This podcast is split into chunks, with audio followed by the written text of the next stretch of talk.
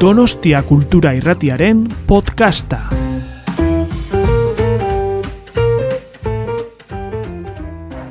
Bueno, arratzaldeon denoi, mila esker etortzeagatik, eta niretzako plazerra handi bada, edurne portela pezelako idazlearekin jardutea.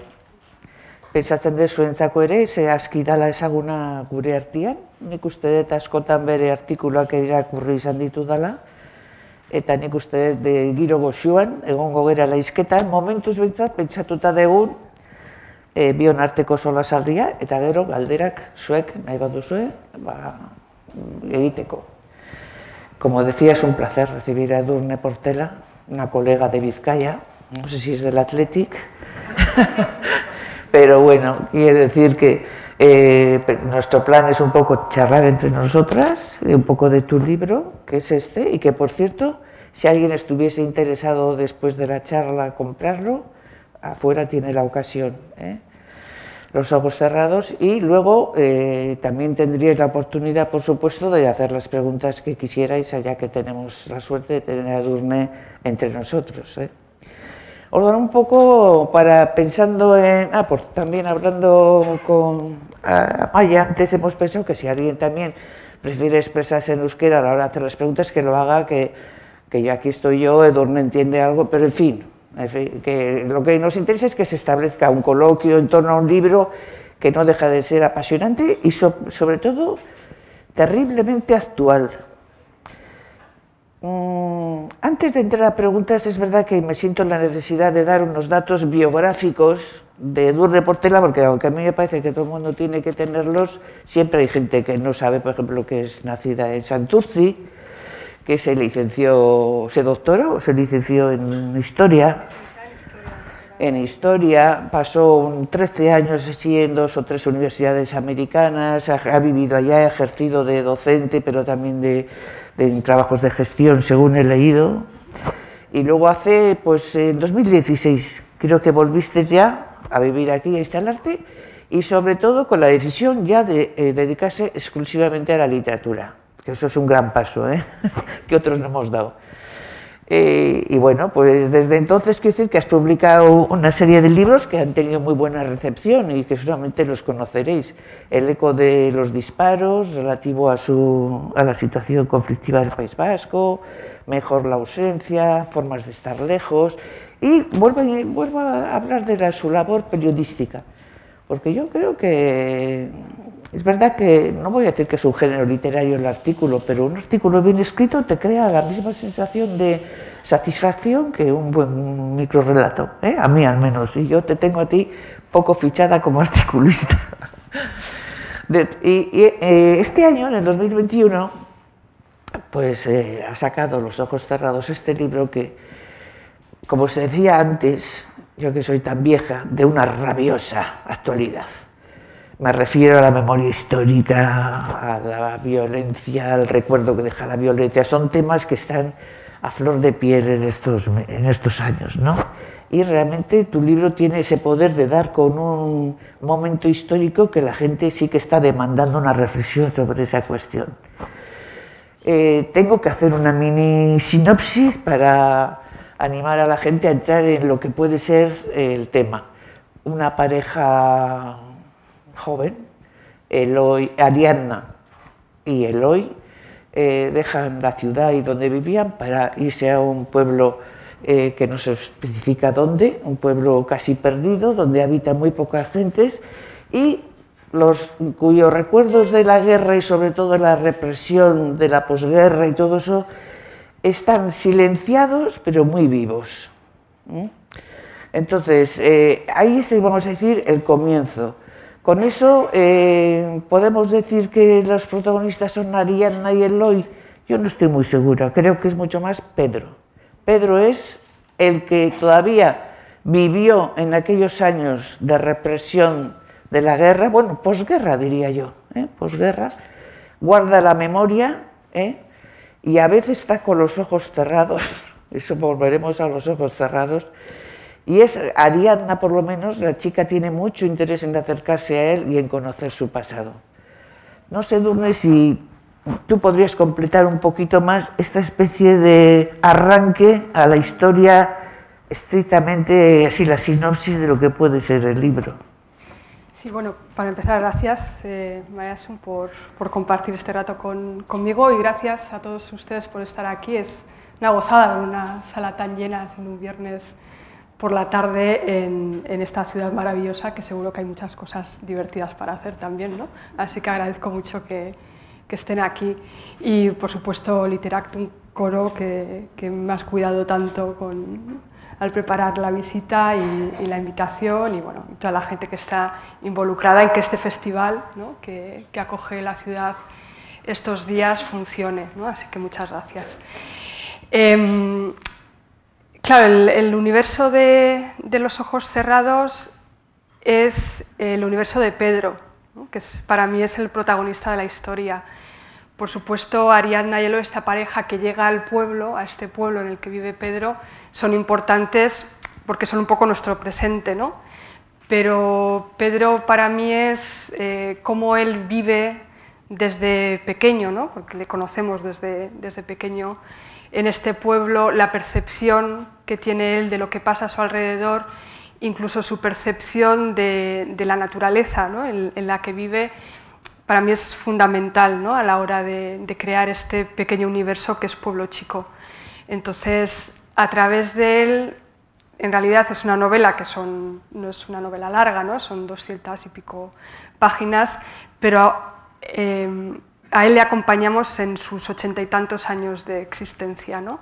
Y es a partir de sus vivencias, creo yo, que, que nos adentramos en, en, esa historia ¿no? y también a, a través de su de su perspectiva, que es una perspectiva que es cierto que se va completando con la de otros personajes de la novela, como puede ser Adela, como puede ser Teresa, Federico, Andrés, ¿no? aquí hay un montón de personajes, pero para mí el foco siempre ha sido Pedro. Sin ninguna duda. Es Pedro y aparte de que sí que... Lo que me interesaría también recalcar en este caso es para eh, que no es una historia lineal, no es que comienza y termina, sino que al contrario es polifragmentaria, poliédrica, con grandes elipsis en el tiempo, hacia atrás, hacia adelante. O sea, Pedro, vamos a verle a Pedro cuando era un chiquillo, lo que le pasa, la tragedia, vamos a ir al presente. En ese sentido, es como, yo no sé qué te parece a ti, yo le llamo un poco como de cinematográfica. O sea, de montaje de, de película. O sea, son diversos eh, que van completando y maravillosamente ya al final toda una historia que se ve desde el principio hasta el fin qué pasó. Digo un poco para entender que este Pedro que lo vemos de mayor, lo vamos a ver también de pequeño, va a hacer, va a haber monólogos, diferentes formas estilísticas también, ¿no? Monólogos, sí. descripciones, eh, es muy rico en ese sentido, ¿no? Los ojos cerrados ¿A qué te refieres? Yo tengo mis teorías, pero quería oír la tuya. Bueno, sí. Bueno, antes de, de, pasar a los ojos cerrados, sí me gustaría comentar un poquito la forma de la novela, porque es algo, en realidad la novela la empecé con el monólogo de Pedro, que, sí. abre, sí. que abre la novela, ¿no? que es un monólogo que luego se va a continuar durante la novela, pero es cuando él tiene pues, 80 y muchos años. Y, es una voz que, fue la primera voz que, imaginé, que es un poco desconcertante, creo yo, al principio, porque tiene una relación con la realidad un poco extraña, digamos. hay algo, pues no se sabe si es un poco de senilidad, un poquito de, ¿no? o de, de visión un poco onírica de las cosas. Y cuando empecé a escribir, o sea, fue esa voz la que de repente mm, me marcaba ¿no? la escritura. Pero también me di cuenta que toda una novela así eh, iba a ser un poquito complicado, eh, para mí, pero también a la hora de, de leer y de, y de, entender qué había detrás de esa voz un poquito peculiar. ¿no? Y es cuando, sin, sin, en realidad, sin proponérmelo, empecé a crear esas perspectivas múltiples, ¿no? que son pues, un narrador ¿no? que nos va contando esa historia, que se intercala con la voz de Pedro y que se va focalizando en diferentes personajes para completar esa visión, pero luego también esa otra voz que nos narra cuentos, ¿no? cuentos Sí. que tienen que ver con... Eh, ¿Consideras que son leyendas, son mitológicas de pueblo chico? Lo de los lobos y Sí. la historia que Sí, se cuenta. Sí, pues, bueno, sin querer contar demasiado, ¿no? Para, pues, porque me imagino que habrá gente aquí que no la ha leído, igual después eh, apetece a leerla.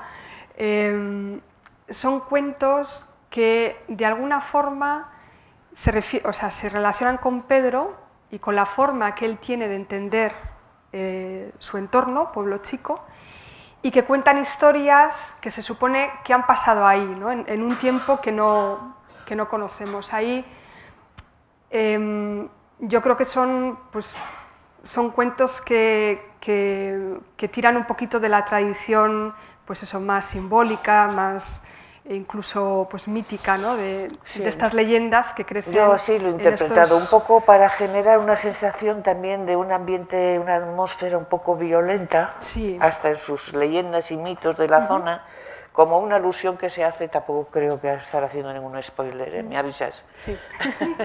que pasan unos cazadores, Sí. todo esto se meten en casa en el pueblo, que tiene pocos habitantes, se meten y luego al irse con la- el venado o lo que hayan cazado dejan rastros en la calle. Eso también da, va creando en la novela, creo yo, una atmósfera que no se dice nada que pasa, porque realmente no pasa, hace mucho que pasó lo que pasaría, y se va creando una atmósfera de una violencia silenciosa, ¿no?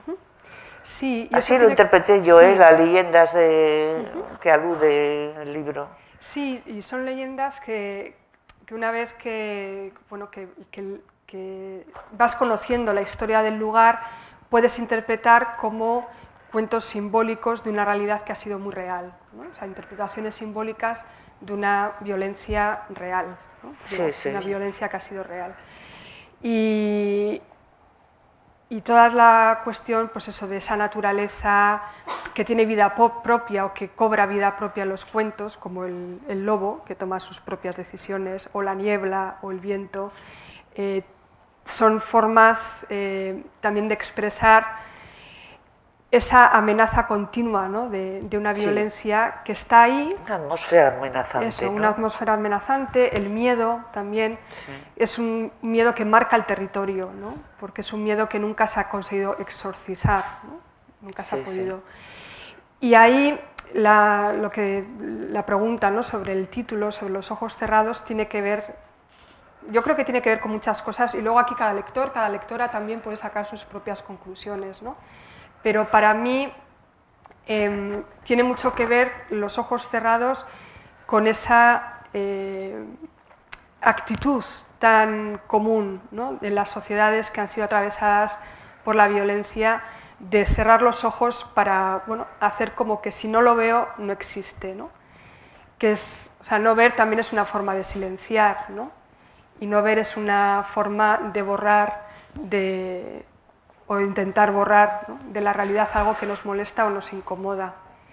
Y en el caso de la novela, eso tiene mucho que ver con, con la presencia de la víctima ¿no? en, en ese pueblo y la víctima más grande ahí es Pedro, ¿no? Sí. porque además ha sufrido la violencia siendo muy niño, que, que hay más inocente ¿no? que, que un niño que... Desde luego. que ha Yo tenía así. pensado leer un pequeño párrafo ¿eh? para un poco, eh, ellos y ellas también consideran un poco de cómo es el tono de la narración. ¿no?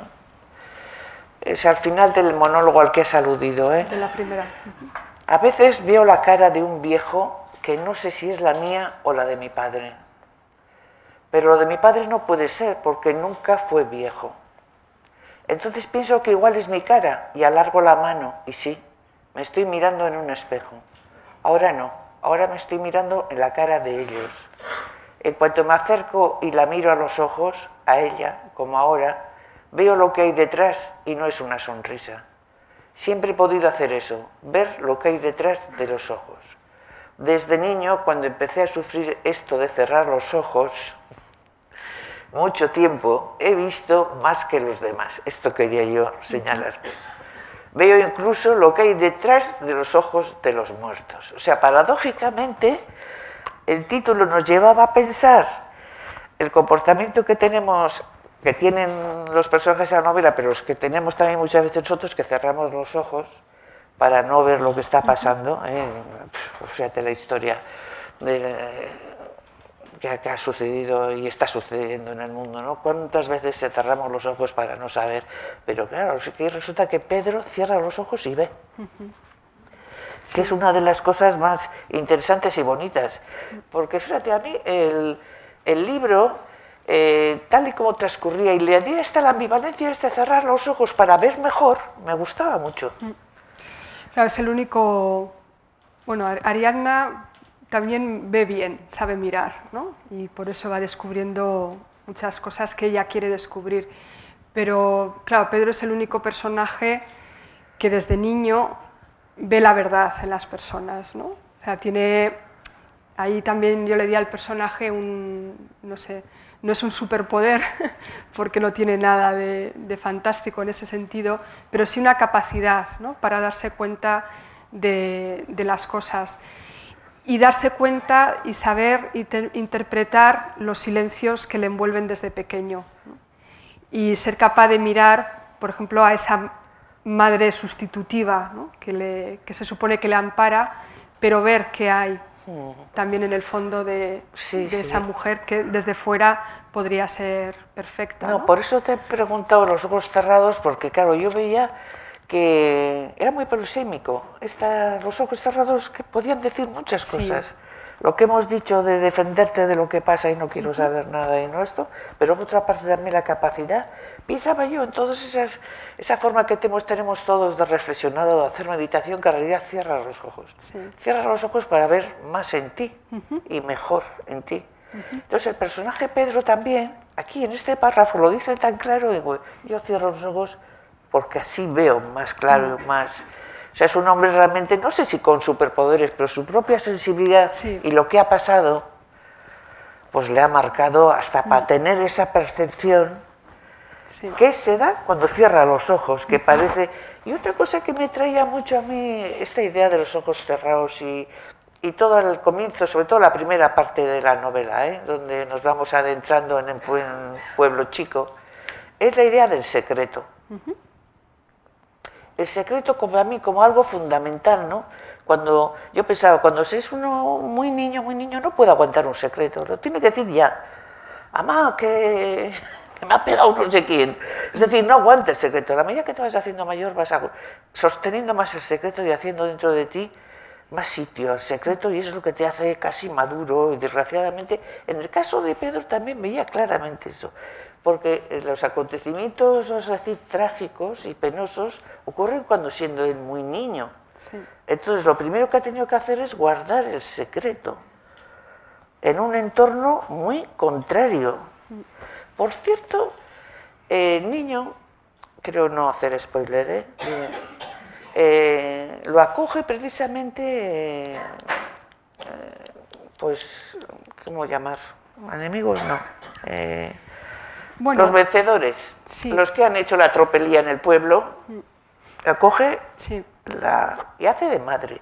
Eso, ¿cómo, ¿cómo se te ocurrió? ¿Cómo? Yo es algo como que me costaba imaginar que un niño, encima de que le ocurre lo que le ocurre, tenga que vivir.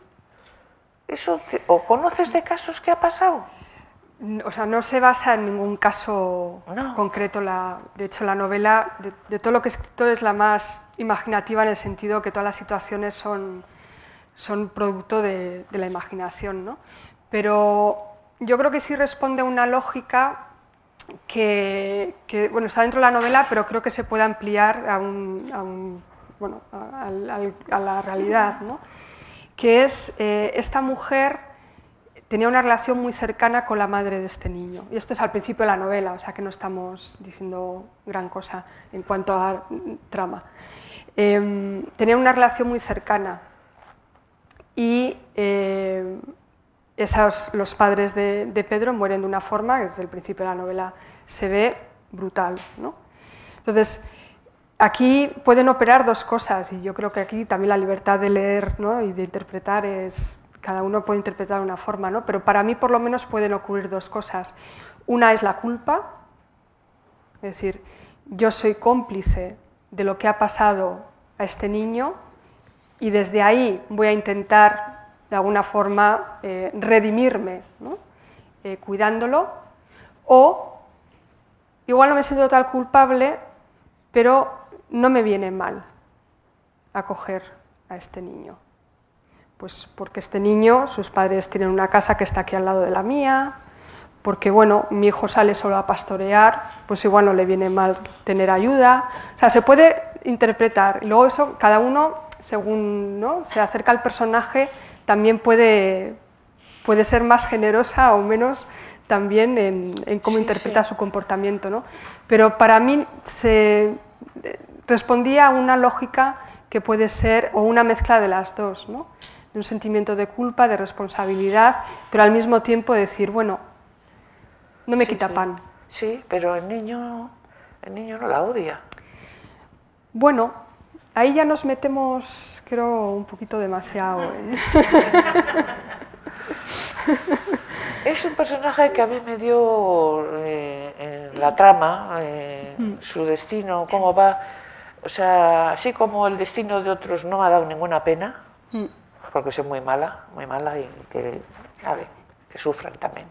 Pero con este personaje de la madre que al fin y al cabo le ha cuidado físicamente a esa criatura, mm. o que estoy muy de acuerdo con la versión de perdón, ¿eh? mm. yo creo para mí que es redimirse de cierta forma, mm. sin, sin, demasiados gastos, redimirse. Me dio como un poco pena el final. Bueno, vale. Eso lo vamos a comentar. Es para crear intriga. Bueno, a ver, eh, lo que sí me interesaba, y esto podemos hablar sin, meternos en la, trama, pero lo que sí me interesaba mucho, y yo creo que es algo que me ha interesado siempre, es imaginar cómo una persona que ha sufrido una violencia tal, y aquí podemos hablar de Pedro, podemos hablar de otros personajes como Adela, que es otro personaje que sufre la violencia en su cuerpo, pero Pedro, como siendo niño, le puede configurar como persona. Sí, sí. Y cuando hablamos pues eso, de un niño que es víctima de una violencia, pensamos, bueno, es que igual a este niño le podemos permitir todo, hasta convertirse en un asesino.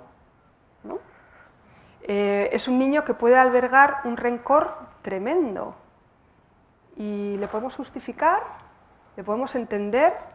¿Qué hacemos cuando la violencia te configura como persona y creces con eso toda tu vida? ¿Qué capacidad puedes tener luego para sentir ternura, para sentir amor, para crear vínculos estables con otras personas. Pues todo eso yo me lo preguntaba y la novela en parte también explora ese tema.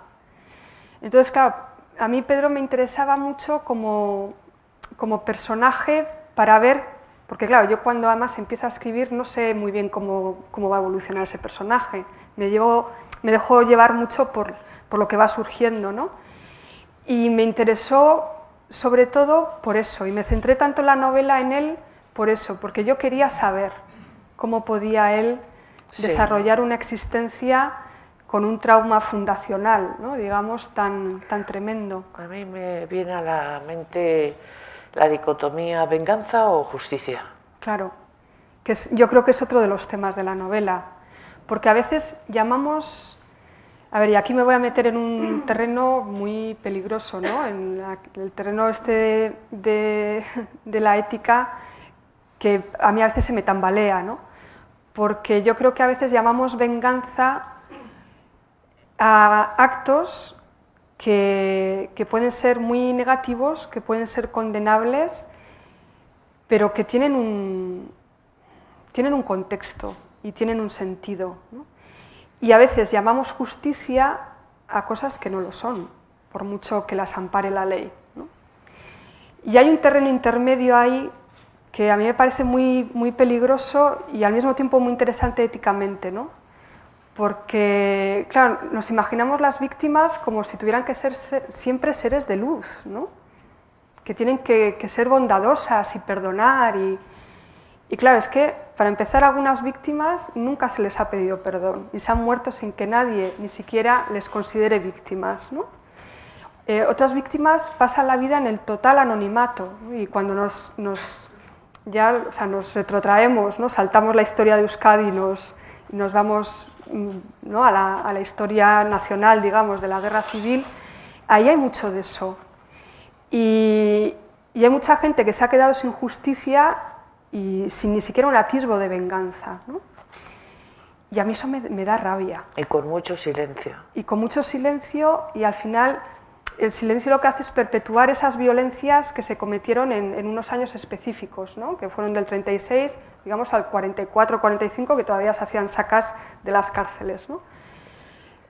Y después, eh, esas violencias físicas sobre los cuerpos de las personas, sobre los huérfanos, las huérfanas, los, las viudas, los viudos, las comunidades, que quedaron totalmente marginadas a través de un silencio impuesto por las instituciones y, bueno, y por el aparato represivo del franquismo. Ese silencio era una continuación de la violencia. Entonces, ¿qué venganzas se pudieron dar ahí? ¿no? o qué sí, pequeños actos sí, de justicia sí. privada, digamos, porque no había capacidad de hacer justicia institucional, se podían dar ahí. Yo creo que se dieron muy pocos. Es que yo creo que por encima de todo eso revoloteaba un pájaro negro que era el miedo. El miedo, claro. El miedo, ¿no? Mm. El miedo a las represalias mayores, ¿no? Y ese miedo también creó complicidades que lo que hicieron fue todavía ahondar más el desamparo de las víctimas, ¿no? y la sensación de que eso, de que pasaban los años y, y, nada se hacía ni con su experiencia, pero ya ni siquiera con su memoria. Entonces, bueno, yo en la novela me doy unas pequeñas licencias en ese sentido, ¿no? Y, e intento imaginar, pues, eh, bueno, cómo, cómo a, este, a este niño le puede marcar esa violencia y qué, qué cosas puede hacer él con ese, con ese abandono, con esa rabia, con ese rencor. Bueno, y, de y le dejo un poquito suelto. En la novela, los, ¿cómo les llamas? Casi sin vida. ¿o cómo? Los, vive, los vive aparte. Vive aparte, sí, sí, no me venía ahora. Forman una especie de una familia. Sí. En el pueblo, aquellos eh, marginados uh -huh. por razones que no viene a caso contar ahora, sí que forman una pequeña sí. red entre ellos, entre, sí. entre otros Pedro uh -huh. y también otros personajes. Claro. El Andrés, Andresito, me gusta Andresito mucho porque realmente es un, es un ángel. En la novela es un ángel de ternura, de, pues un poco deficiente también, ¿no? Pues es un poco especial. Especial. Digamos, tiene... No, quiero sí. decir que sí hay, hay sí. burbujas de ternura y de amor. Sí. Porque claro, oyéndonos a nosotras ahora pueden pensar claro, que, que, esto, que esto es terrible, un no. campo de concentración, toda la novela. No. Hay burbujas, pero burbujas, ¿eh? De amor, de ternura y de mutuo entendimiento. Mm. Pero también hay, pues, como predestinadas a un final triste también, ¿no? O sea, es como gente muy marcada que parece que también se dice muchas veces que quien ha sufrido esas tragedias tarde o temprano también como que no las supera, ¿no? Pues estoy Ya. pensando en Adela, ¿verdad? Adela es... Adela, sí. Todo porque eso es como que lo has trabajado sí. o que lo has imaginado. Mm.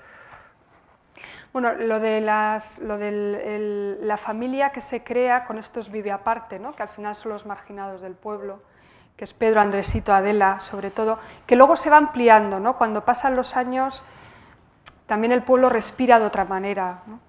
Eh, a mí me parecía importante centrarme en eso, no, no crear un, un drama rural negro horroroso. ¿no? Eh, porque creo que también en, en, las personas que han sufrido, como podía ser Pedro o Adela y lo, después Andresito, que han sufrido así, también pueden ser capaces de, Sí. de mucho amor. ¿no? De amar o de recibir o de dar. Y ¿no? de dar y de cuidar. ¿no? De cuidar. Y- Es muy bonito la sí. escena del cuidado. De... Sí. Sí, sí.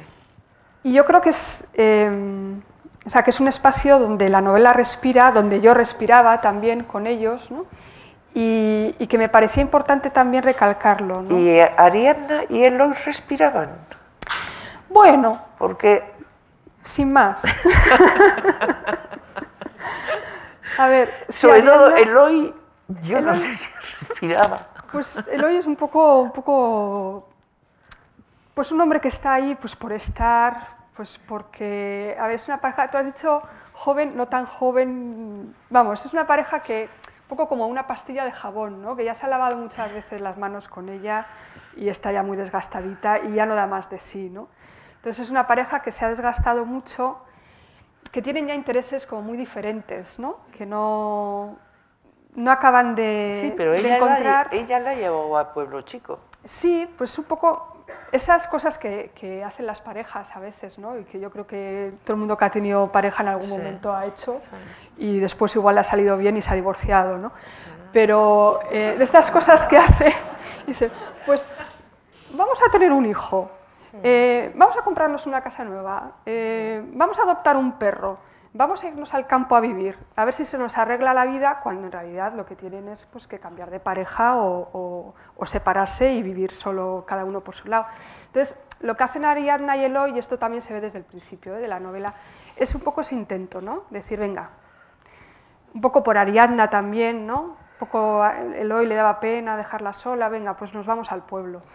Y bueno, ahí Yo están. a Ariadna le veo un personaje en el fondo que todavía no es consciente de lo que, ha- de lo que le lleva a ese pueblo. Claro. Y luego se da cuenta qué es lo que le ha llevado Sí. a ese pueblo. O sea, mucho más personaje en ese sentido convincente que Eloy. Sí, Eloy, a ver. O sea, yo- ella no sí. sabe muy bien por qué quiere ir a un pueblo pequeño a vivir ahí, ¿eh? Pero luego se ve al final por qué, qué le tiraba para ir allá, ¿no? Y realmente va tomando peso. Ariadna para mí es un personaje que va tomando peso a medida que transcurre la novela, porque al principio un par de urbanitas allá, Sí. que Pedro les mira además con un... Cuando alude aquí, de él cierra los ojos y ve Mm. a la pareja esa, ya ve, pues ya es que los ven con reticencia. Sí, porque piensan que son los típicos Sí. que van a estar ahí dos días y después se irán, ¿no? Sí, Y el- y en cambio al final va cogiendo cada vez Sí. más fuerza el por qué, cómo y el personaje mismo de Ariadna. Sí, eso, eso eh, es- está, estaba pensado, ¿no? Eh, yo quería que el, que el personaje, bueno, yo quería, cuando ya estaba estructurando la novela, porque lo que has comentado al principio, de que es una novela fragmentaria, es verdad, y la escribí de esa forma, o sea, yo iba sumando, sumando, sumando, el personaje de Ariadna iba creciendo según también crecía Pedro, o sea, según crecían todos, ¿no? Y luego al final el trabajo de, de engranar todo eso y, y que, y que funcionara de forma narrativa fue, Sí. fue peliagudo. ¿no? Em, pero el personaje de ella fue creciendo también según yo iba conformando la historia de ese pasado. ¿no? Y le di el impulso mayor cuando esa historia estaba consolidada. Entonces sí es un personaje Sí. que, Que al que final, también en mi sí. proceso va creciendo con, con Sí, el tiempo. con Así historia, como con- Pedro, sí. desde el principio yo estaba ya como, esta es la voz, este es Y el lector también así lo recibe. ¿eh? Mm. El lector ve a Pedro desde primera página, porque empieza con un monólogo interior y Ariadna va cogiendo peso hacia el Según. final y cada vez Mm. más y ya tiene... Y luego está también esa duda de si el niño ha tenido abusos sexuales o no. Eh, es que he leído en algunos artículos, algunos comentarios que te Ya. han hecho de si también el abuso respecto a, al niño había sido de ese por parte Bueno, ahí de cada uno los puede, interpretar, antagonistas, sí, sí. puede interpretar lo que quiera, ¿no? pero yo no, no es algo que concebí. co- que lo concebiste personaje. así. Otra cosa que tiene curioso esta novela y para mí es un gran acierto que en ningún momento se nombra ni franquismo, ni falangistas, ni... O sea, no se sabe dónde pasa, ¿no? Y no hay- se nombra guerra civil, Mm. ni franquistas, ni cómo se llaman los que huían al monte, los maquis. Maquis. O sea, no, es como una... A mí me gusta eso y lo considero dentro de esa atmósfera Mm. que considero que es una violencia, eh, un ambiente que, que se va forjando como una, una amenaza latente de un pueblo que no tiene nombre, pero que todo el mundo, bueno, todo el mundo, todos los lectores al menos, lo estamos enseguida poniendo nombres y apellidos. Sí, bueno, es, es algo que, que Eso fue de queriendo, la- eso sí, fue- Sí, sí, es una decisión muy consciente porque yo creo que es una novela que se lee en España, pues enseguida nos damos cuenta a qué historia se está refiriendo, ¿no? Pero sí me gustaría que, fuera una novela que se pudiera leer en cualquier contexto en el que pues eso, hay una violencia que viene desde arriba, ¿no? como fue la, violencia represiva, sobre todo de esos primeros años de la posguerra, pero que se puede dar en cualquier otro contexto. ¿no? Y al final, claro, yo no quería escribir una novela histórica o una novela sobre la guerra civil o una novela sobre el franquismo. No era la intención en absoluto. Entonces, no me interesaba intentar que los lectores dijeran, ah, pues esto se refiere a no sé qué, o a este pueblo, a esto que pasó, porque no tiene una base histórica en ese sentido.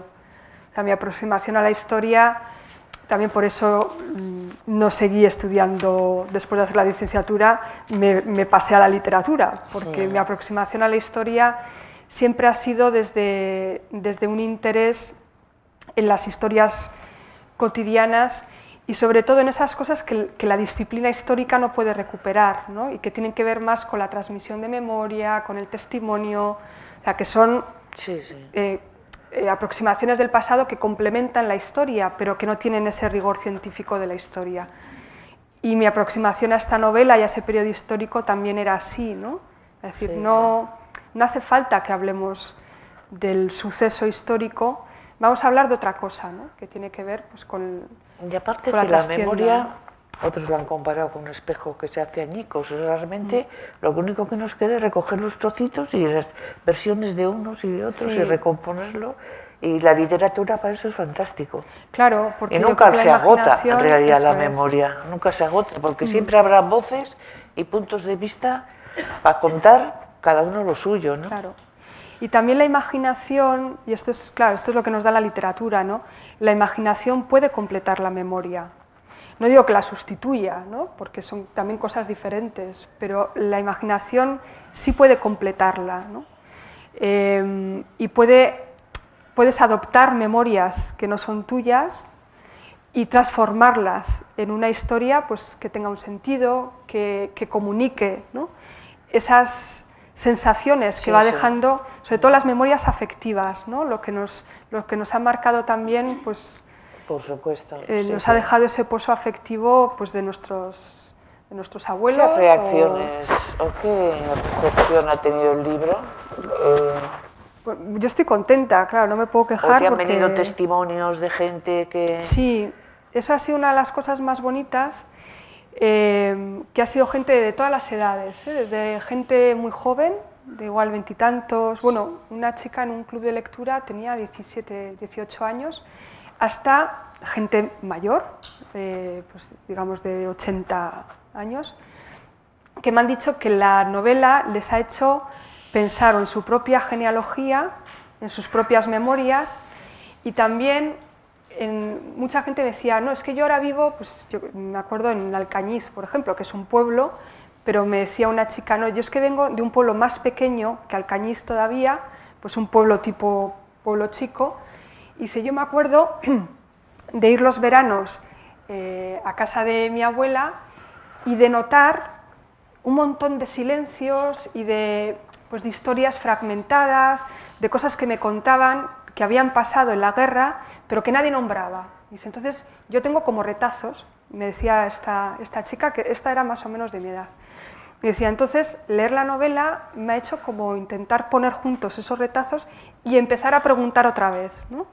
Dice, a mi tía, que todavía está viva, que alguien me cuente que es, que es eso que yo recuerdo de forma tan deslavazada, pero que me cuente, ¿no? qué es lo que pasó en la familia.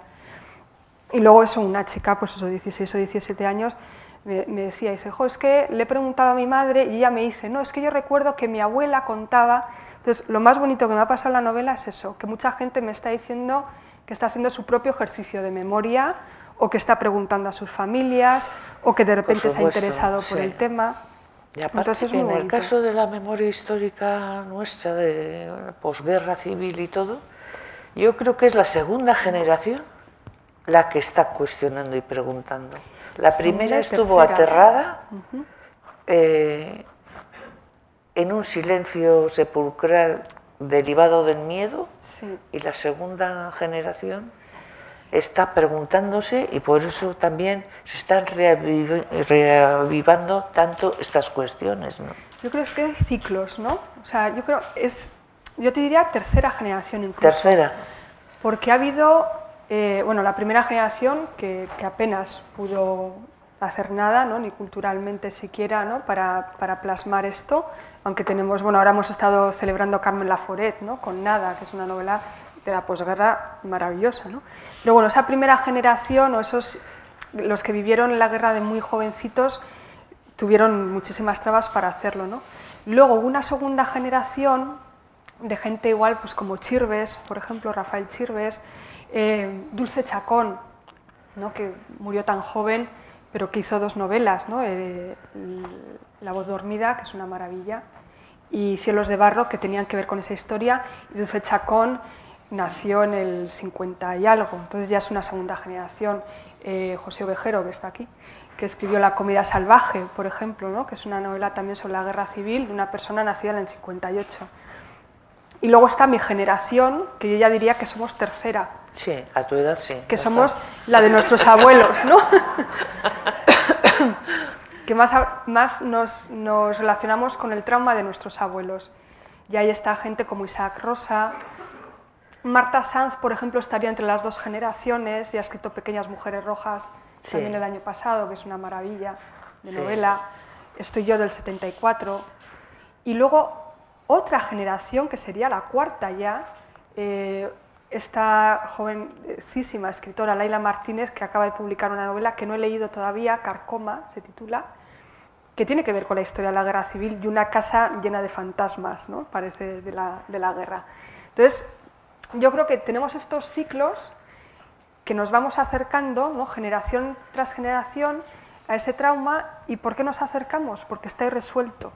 Sí, porque no lo hemos tratado todavía, por mucho que digan, oh, otra novela de la guerra civil. Otra está sin resolver. Pero está sin resolver. Está sin resolver. Está sin resolver. ¿Y qué les dirías a todos los dice que para qué, para qué andéis revolviendo nada así con lo bien que estamos, no? Claro, a ellos, todo eso ya pasó. Claro, hay que mirar el hay que preguntarles para qué no. Eh, ¿Por qué te molesta tanto? Sí, sí. Porque es indudable que hay mucha gente que piensa eso también, ¿no? Diciendo, ¿para qué andar?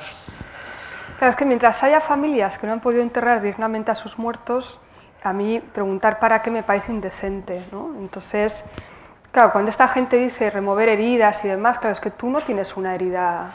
¿Tú qué, herida tienes tú? ¿No? Sí, sí, eso es Entonces, claro, cuando, cuando, se, cuando se habla de esa posición de privilegio de 80 años, que es desde la que hablan ellos, entonces no, Sí, sí. Entonces, ¿para qué? A mí ¿no? me tienes que convencer porque... No, no, sí, ya lo sé. En mi, en mi familia tengo, precisamente ahora en Alfa, dos palabras solo. Eh, mi abuelo era concejal del PNV eh, de Alfa, que era pueblo, no era barrio de San Sebastián entonces, y, no sabemos dónde está. Está muerto en Zalla, por ahí. No hemos podido recuperar nunca, pero este año hemos tenido eh, la satisfacción de que el Ayuntamiento de Donosti con mucha tardanza, ha reconocido a la corporación del 37, de 1937. Se ha hecho una placa, un acto, un aurresco, unas flores, ahí estábamos los familiares, se dicen unas palabras.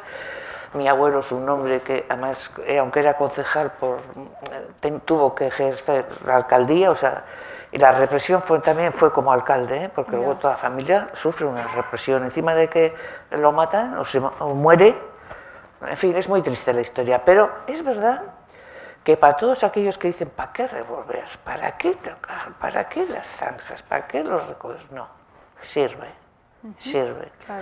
La placa, con el reconocimiento a los que formaban la, la, eh, la alcaldía de Arza del 37, calma el corazón de los que vivimos actualmente. Y claro, yo estaba diciendo la segunda generación porque así es en nuestro caso. Esos eran mis abuelos, ese era mi abuelo, mm. por eso empezó la tercera. Pero bueno, puede ser que haya una cuarta y nosotros ya, pero en fin, entre los primos son los primos, los mi generación, los que se han movido, historiadores que han trabajado para saber dónde está y sin poderlo recuperar, ¿eh? Pero quiero decirte que yo consideraba que nuestros padres, y no solamente eso, sino que no nos transmitieron tampoco ni la sed de venganza, ni el rencor, ni nada de eso. Es silencio. O sea, tanto fue el dolor que ni venganza, ni, odio, ni nada. Hombre, éramos antifranquistas. Seguramente pues no éramos Pero eso también tiene, en cierta forma, para los tiempos que vivimos hoy en día, creo que tiene mucho valor Sí. para las siguientes generaciones. Una cosa es saber la verdad y otra cosa es odiar. O sea, Claro. una cosa es la verdad, justicia, reparación, y otra cosa es mm, la venganza y remover rescoldos que- y empezar a tirar tiros, Sí. ¿no? Si lo que piden, lo que han pedido siempre todas las asociaciones Sí. de víctimas han sido saber ¿Verdad? dónde están los cuerpos, rescatarlos, darles un entierro digno. Es que ya la gente ni se, ni, o sea, es que ya ni sueña con justicia, Sí, ni lo sueña que con reparación, porque, Sí. porque Es ya, que o la sea, justicia también está tan denostada últimamente. Ya, pero eso también, o sea, que entre prescripción de, bueno, que algunos crímenes no se supone que no prescriben, ¿no? Contra la humanidad, pero bueno, aún así que la gente, o sea, Sí, sí. lo que se está pidiendo son unos mínimos y si ni siquiera hay una respuesta respetuosa a esos a esa petición sí. de mínimos, es que ya, por eso digo que es, eh, ahí hay una indecencia, ¿no? O sea, Pues ya nos me metemos en el terreno de, la- de- lo, de lo moral, ¿no? Porque, por eso, porque no se pide nada más que, que Sosteno, eso. sí. Mm. Entonces, bueno, nos podemos aquí a dar Sí, un mitin entre las encantadas, dos. tiqui, tiqui, tiqui, pero yo creo que aquí estará la gente también deseosa de Sí. hacerte preguntas Sí, podemos abrir y no olvidar que si os ha in- interesado el libro también a la salida está, ¿eh? Pero bueno, doy la palabra ya al público para que intervenga. No sé si va a haber micrófono, sí.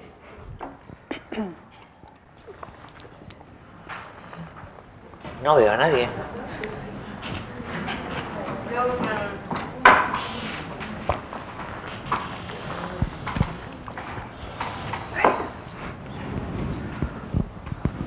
No, bueno, yo no, no he leído este libro, leí el otro, ¿cómo se llama? El, el del pueblo de Toledo, que va eh, con el chico que, que está en, en, en Escocia, creo, y vuelve, ¿no?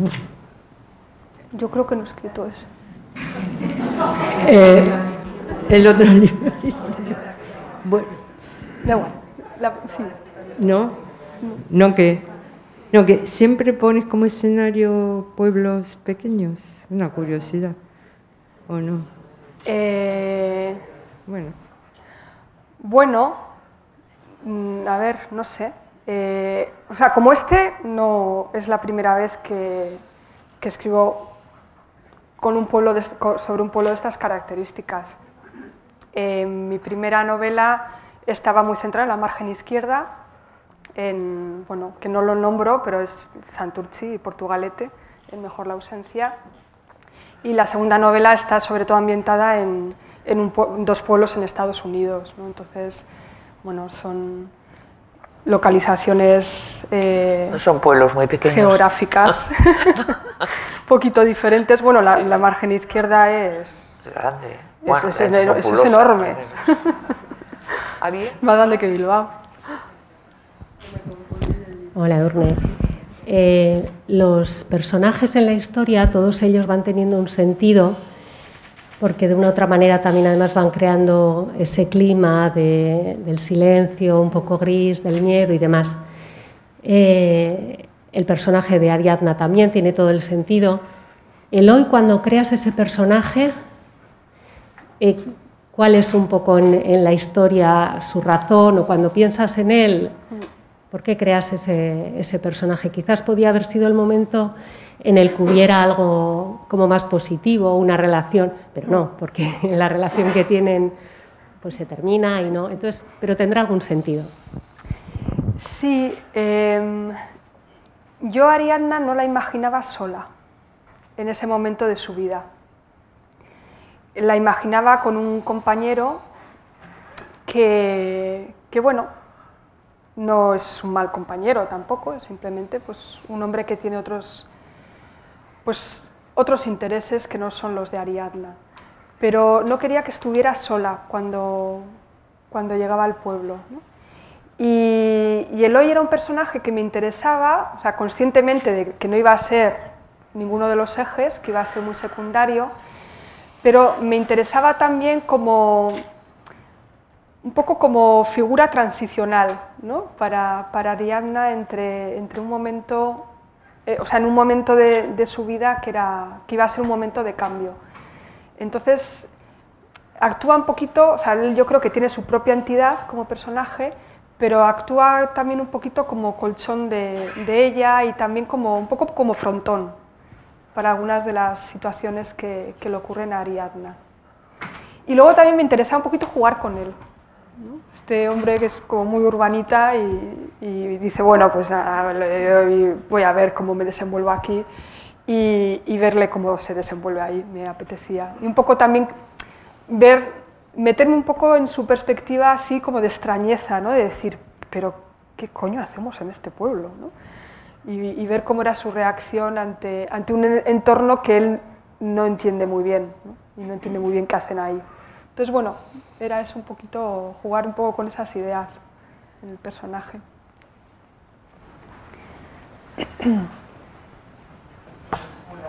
Hola.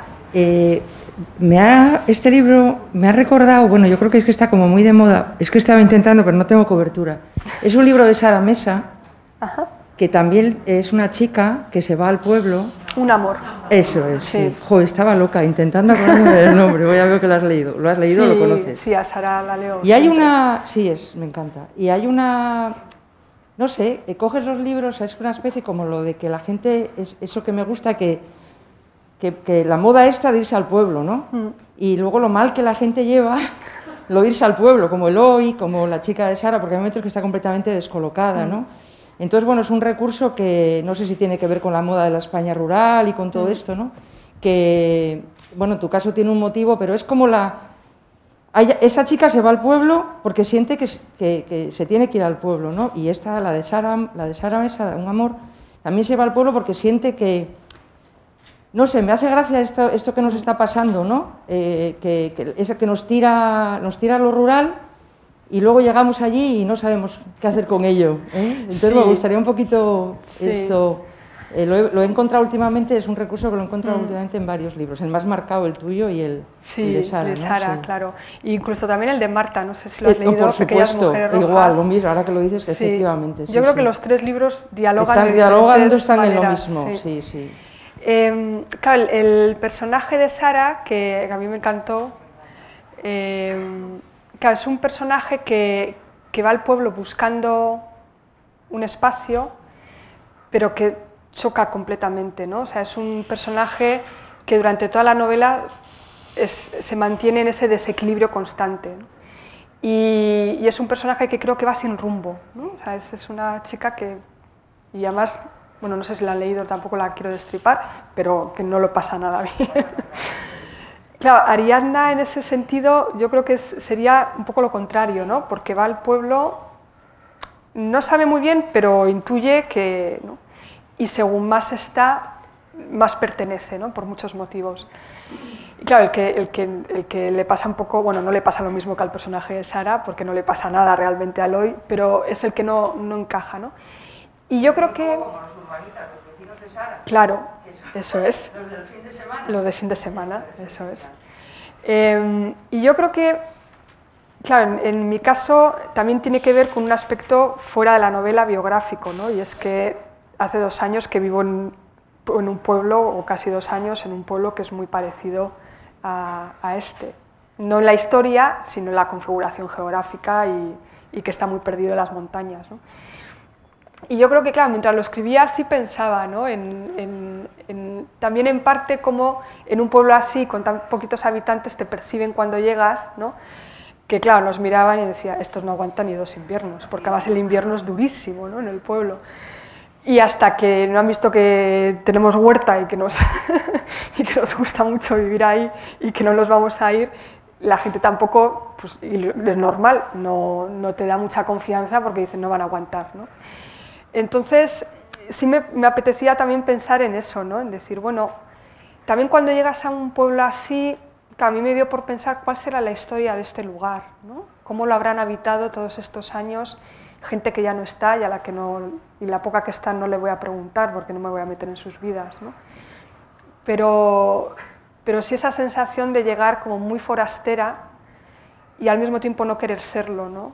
Decir, bueno, yo quiero entender el, el sitio donde estoy, quiero, no sé, no quiero, no quiero ser aquel grano que sale en la comunidad, ¿no? en esta pequeña comunidad. Y esa especie de incomodidad de, de decir, em, hago bien, o sea, estoy bien aquí, eh, ¿cómo, ¿cómo, me voy a relacionar con, con, este, con este ambiente y demás. Entonces, bueno, yo creo que son preocupaciones que en mi caso sí vienen por, un, bueno, por, por una opción vital y, y, que están ahí y que sí forman parte, sobre todo, claro, a, a raíz después de la pandemia, mucha gente ha intentado hacerlo, ¿no? y se ha visto, que también se ha visto, un montón de gente ha ido por los meses de la pandemia, pero luego enseguida en cuanto ha podido se ha vuelto a la ciudad, ¿no? porque tampoco es una vida que le gusta a todo el mundo. Pero sí creo que hay, un, bueno, hay, hay una corriente ahí, que no sé cuánto durará, de regreso a los pueblos, que puede estar bien si eso significa que todo lo que carecen estos pueblos eh, se consigue de alguna manera. ¿no? Y estoy hablando de servicios públicos básicos, de salud, de comunicación, etcétera si no sirve para nada de eso, pues es verdad es como que si nada... la novela realmente se me había olvidado apuntarlo, pero sí que nos lleva a la problemática de la España vaciada. Mm. ¿eh? Eso es verdad. O sea, sientes de repente los pueblos vacíos, ¿no? De esa España que sí. dicen, que abunda tanto, ¿no? El problema está en el que va y en el del pueblo. Sí. Es que el del pueblo al que va, que tú lo dices muy bien, porque es mi experiencia vital, que coincido con lo que estás explicando, el problema es que el que va eh, tiene problemas a veces porque cree que aquello es pues tipo bucólico, la solución Sí. de su vida. Pero es que el que está recibe al que va con una especie como de desconfianza, Mm. envidia. Es el de la ciudad. Eh, en- no, no le, no le o sea, la, la teoría de que en el pueblo acogen y tal es falsa. O sea, en, en- en una, en una. A ver, es como un poco idílica, ¿no? Como un poco idílica. eh, buah. Sí. De- como un poco idílica. Entonces, la España vacía eh, tiene problema eh, por los dos lados, el- el- por la parte del que llega y por la parte del que recibe. Es muy Bueno, complicado. yo, a ver, yo entiendo, yo entiendo que el que recibe, a ver, el- yo creo que la, la- la relación de la persona que va con la ciudad al pueblo muchas veces es muy, digamos, explotativa, ¿no? Eh, y, y de no, y de no entender también las dinámicas que hay en los pueblos pequeños, ¿no? Y también, por ejemplo, con el boom de las casas rurales y demás, pues hay gente que se monta ahí la casa rural en el pueblo, les arruina el pueblo porque le ponen el bar al lado. Bueno, que pueden crear también una relación que es además jerárquica muchas veces de, pues eso, de clase, eh, difícil para la gente que vive en los pueblos. Entonces, yo entiendo ese, ese rechazo inicial, ¿no? como para decir, a ver, esto va a ser para bien o para mal. ¿no? Pero bueno, luego con el tiempo eh, las cosas también pueden, pueden mejorar y la gente pues se abre. Yo, yo no tengo queja A mí me gusta, bueno, salvo un par, me gusta mucho la gente pueblo. No, pero, pero luego, luego ves que, les hace, que, aprecian que estés ahí, ¿no? Sobre todo la gente igual más mayor, pues que en cualquier momento de, necesidad pues te ofreces y tal, ya dicen, ah, bueno, bien, bien, están bien, bien aquí. Sí. y ya está, bueno, comparten hasta sus secretos de huerta con nosotros, eso es un paso. ¿Alguna pregunta? Animaros. Eh, bueno, Edurne, yo quiero contarte un poquito cómo, cómo te conocí. Pues eh, también en un pueblo. Yo soy de aquí, pero no sé por qué, pues llegué a ese pueblo y puedo decir que en, esta, en este momento de mi vida es una, es una parte como consustancial.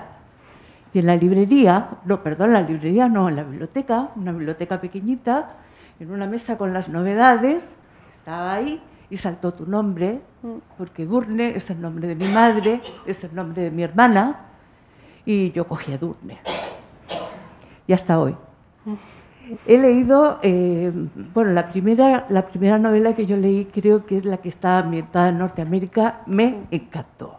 Formas de estar. Me llamó muchísimo la atención. Yo, soy- yo estoy muy acostumbrada a leer literatura anglosajona, Mm. mucho, me encanta. Y realmente yo senté ahí y yo decía, pero esta chica es vasca, esta chica es de Santurce. Y lo que estoy leyendo yo aquí me, me retrotraía, por decirlo de alguna manera, a unas tramas, a unos estilos que de alguna forma yo lo relacionaba pues poco con literatura americana. Me gustó muchísimo esa novela. Gracias. ¿eh? Muchísimo porque es que me hizo entrar en toda esa problemática y lo que me encantó es que terminaba bien, de alguna manera porque se veía muy difícil. Este que has presentado hoy, no quiero hacer ningún spoiler, ya sé que no se puede, si no, seguramente te hubiera dicho cosas, hubiera preguntado y tal, pero yo lo que querría eh, simplemente nombrar es la fuerza y la belleza de, no sé, de algunas escenas. Eh, yo soy una gran admiradora y una gran amante de, de Rulfo y de Pedro Páramo, pero es que hay una escena ahí, no puedo decir cuál es, pero que me llevó, me llevó directo. Entonces creo que hay también ahí una, una fuerza poética eh, muy importante. O sea, me, me, me, gusta mucho cuando me encuentro con una escritora que no es solo narradora, que tiene algo de poeta. Pues eso es nuevo para mí, pero gracias. ¿Eh? No te voy a decir toda la obra, pero eh, ese, es, hay un par, un par, de momentos que yo creo que la gente que lo lea lo, lo va a reconocer, porque me parecen como muy evidentes. Y, no, y darte las gracias porque me encanta que haya surgido, bueno, pues aquí en Euskadi, en el País Vasco, pues una escritora que para mi gusto es muy original. Muchas gracias, Juan. Voy a ir con un ego súper inflado. gracias. Lo que dices de Pedro, Pedro Páramo sí lo quiero comentar porque se me apareció en un momento eh, esa imagen del, del, padre cargando al hijo cuando dice no oyes ladrar los perros y cuando se van acercando al, al, pueblo. Y es un momento que se me apareció, en, bueno, eh, estando Pedro volviendo al pueblo. ¿no? Y yo creo que, has, que, que, ha estado ahí acompañándome la escritura esa, esa forma así como tan onírica ¿no? de, de crear los, los, ambientes que está en, en, Pedro Páramo y que para mí ha sido una obra fundamental. ¿no? Entonces, eh, me hace mucha ilusión cuando, cuando alguien como tú, que veo que eres muy buena lectora, y no porque haya hablado bien de mí, ¿eh? sino porque se le, se le nota que lee mucho, reconoce a, a Rulfo Ay, porque sí, sí, yo creo que sí, esta novela le debe mucho. Hola, Edurne, ¿qué, ¿qué tal estás? A ver, una pregunta, bueno, más que pregunta es un comentario en relación a lo de vivir en, en un pueblo. En euskera hay una frase que es eh, eh, iría un día inferno chiquilla herri chiquia inferno un día, que es fácil de, de, de, traducir. ¿no? Con esto quiero decir que muchas veces, bueno, en mi caso yo llevo viviendo en un pueblo muchísimos años y te das cuenta de que no hace falta que medie una guerra civil para descubrir que hay cantidad de silencios ahí. ¿no? Uh -huh. Hay eh, eh, heridas heredadas y hay sobre todo una relación en algunos casos bastante superficial. ¿no? Un ambiente rural siempre es eh, un punto de partida muy interesante para crear eh, narraciones como la que has creado tú, es decir, una narración, una novela llena de silencios que poco a poco los va construyendo el lector. ¿Mm? Y nada, felicitarte por ese estilo y ahondando también en esa eh, eh, potencialidad que tiene el mundo rural, no el mundo rural bucólico, porque pocas veces lo es, de eso se da cuenta el, el urbanita que llega ahí e intenta ser admitido, porque además sabemos que para ser admitido en un pueblo, eh, tú llegas allá, tú no vas a ser nunca de ahí, en todo caso lo serán tus hijos. ¿no? Eh, es una sociedad, un grupo humano que, eh, como digo, hereda agravios anteriores y que normalmente tienen tendencia a, que se queden soterrados, a que no, a que no lleguen hasta la superficie. ¿no? Y es ahí donde tiene que, que picar, pinchar el, escritor. Sí, claro. A ver, la idea del, del, pueblo a mí me interesaba, aparte por el, toda la cuestión vital que he dicho, también porque yo creo que los pueblos se magnifica todo. ¿no? Se magnifica lo negativo, se magnifican esos silencios, esos, bueno, esos rencores, esas cosas que se van heredando, ¿no? esas discordias que se van heredando de padres a hijos, pero también se puede magnificar esos vínculos de, que hablábamos antes de solidaridad, de cuidados y demás. ¿no? Em, claro, cuando vamos con una visión bucólica del pueblo, de que todo el mundo se ayuda en un pueblo y tal, pues no. No es así porque la realidad es mucho más compleja ¿no? y hay esa otra, esa otra parte. Pero también es cierto que, esos vínculos sí se pueden dar en un pueblo y cuando se dan pueden ser muy estrechos y muy, muy sólidos. Entonces, claro, eh, desde la ficción lo, lo, que se puede hacer con todo ese material yo creo que es muy bonito porque no tenemos que centrar o no, o no, no tenemos por qué, eh, por qué quedarnos con esas visiones tan a veces tan monolíticas y tan estereotipadas de lo que puede ser las relaciones en, en unos espacios así, ¿no? Yo creo que la, la ficción nos puede dar otra forma de entrar en ellos y también otra forma de indagar y escarbar en todas esas capas de silencio que, se van creando en, ambientes así. Y luego también lo que nos permite, y, es, yo es el lujo que me di en esta novela, es también imaginar de otra forma, usando otros recursos. Y para mí hay la fuerza de, lo natural y la capacidad simbólica que tiene la naturaleza y que ahí podría tener también un valor narrativo ¿no? interesante para, para, entrar en ese pueblo de otra forma, a través de los vientos y las nieves y las, las nieblas y, y, los lobos y todas estas cosas que aparecen por ahí, y las cimas, claro, tan importantes en la novela. Bueno, pues igual esta gente se quiere ir a casa. Si novela está escrita sobre el año hambre? No entiendo. No habla de eso nada, ¿eh? El hambre. ¿Sobre el hambre? Sí, el hambre. está escrita eh, parte de en, cuando existía el año hambre, que sería en el año 41, 42. ¿No escribe nada de eso? ¿O cómo se divertía la juventud antes? No, no es uno de los de los temas que, que se desarrollen en la novela. Pero entonces si habla usted de un niño, un niño, joder, esas cosas no se le olvidan, sobre todo lo de pequeño. Y la juventud también, porque antes los padres eran muy autoritarios. ¿eh? Bueno, es que este niño es huérfano. Bueno, pero tendría familia que le... ¿eh? Sus tíos... De aquella, de aquella manera. Oye, sus tíos también igual. La gente mayor de antes era muy autoritaria. Los padres eran terribles. Sí. Eh, como, y sobre, sobre todo con el hombre no tanto, pero con la mujer no. No veas, ¿eh? Antes han existido muchas cosas y, y, antes ha hecho una mención ustedes sobre el tema sexualidad o abuso, que no debía de existir. Eso, porque entonces, al, al haber hambre, yo creo que se, se pensaba más en comer tiene esas cosas. Sí, por supuesto. ¿Eh? Es que sin comer no hay, no hay manera.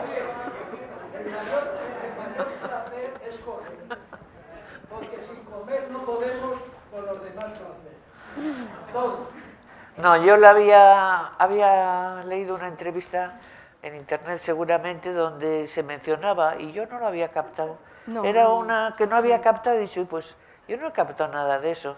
Entonces eso era solamente una puntualización porque hubiera sido el colmo ya. O sea, me parecía un poco porque es verdad que la novela también huye de, huye de los melodramas, es, un, es una escritura muy serena, muy transparente en el sentido que huye de la estridencia, del melodrama, de ahora cargo las cintas y algo de este chiquillo. No, no, no, no, al contrario, es de una gran armonía en ese sentido. ¿eh?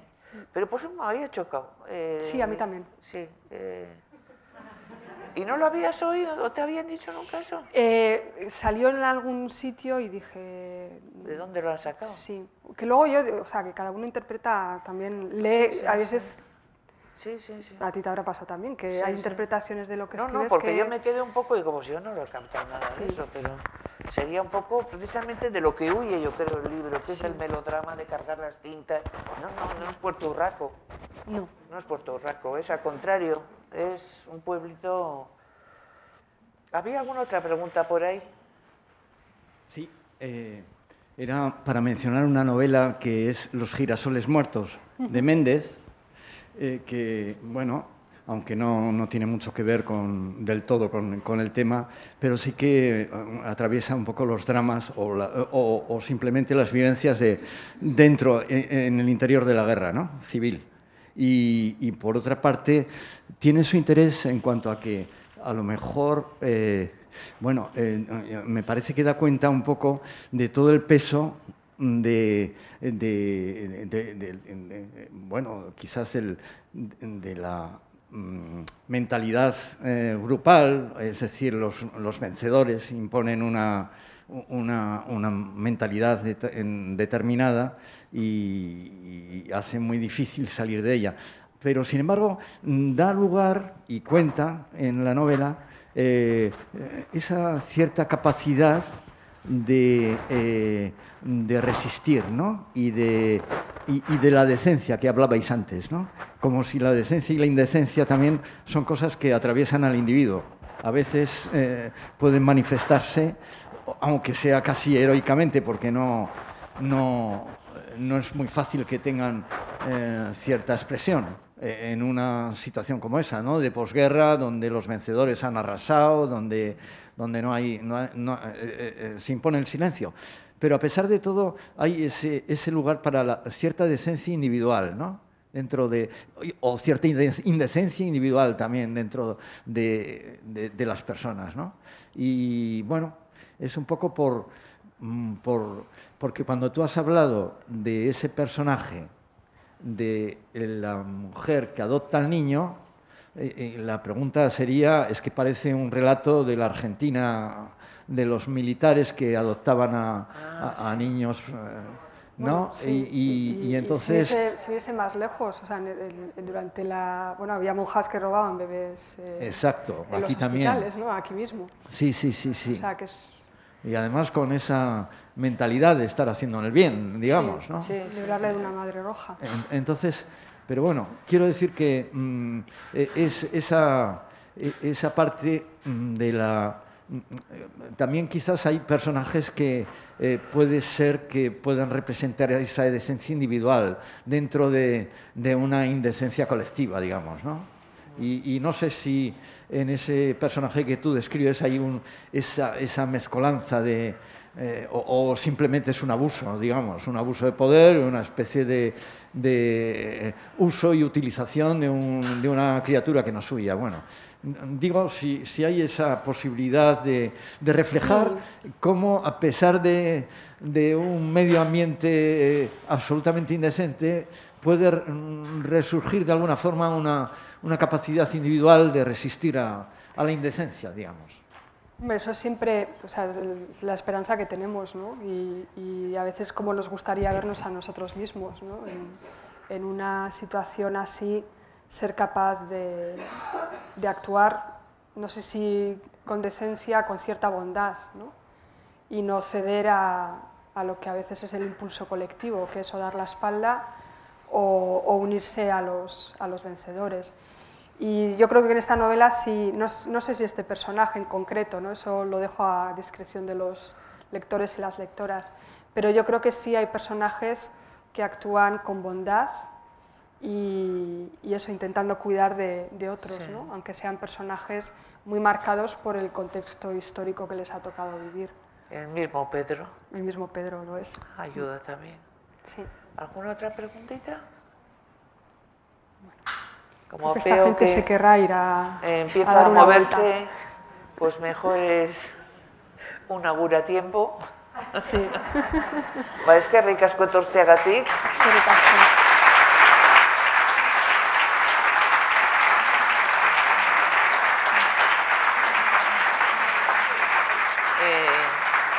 Gracias a Edurne por habernos gracias, dado gracias. esta satisfacción de tenerla gracias. en casa. Gracias por acompañarme.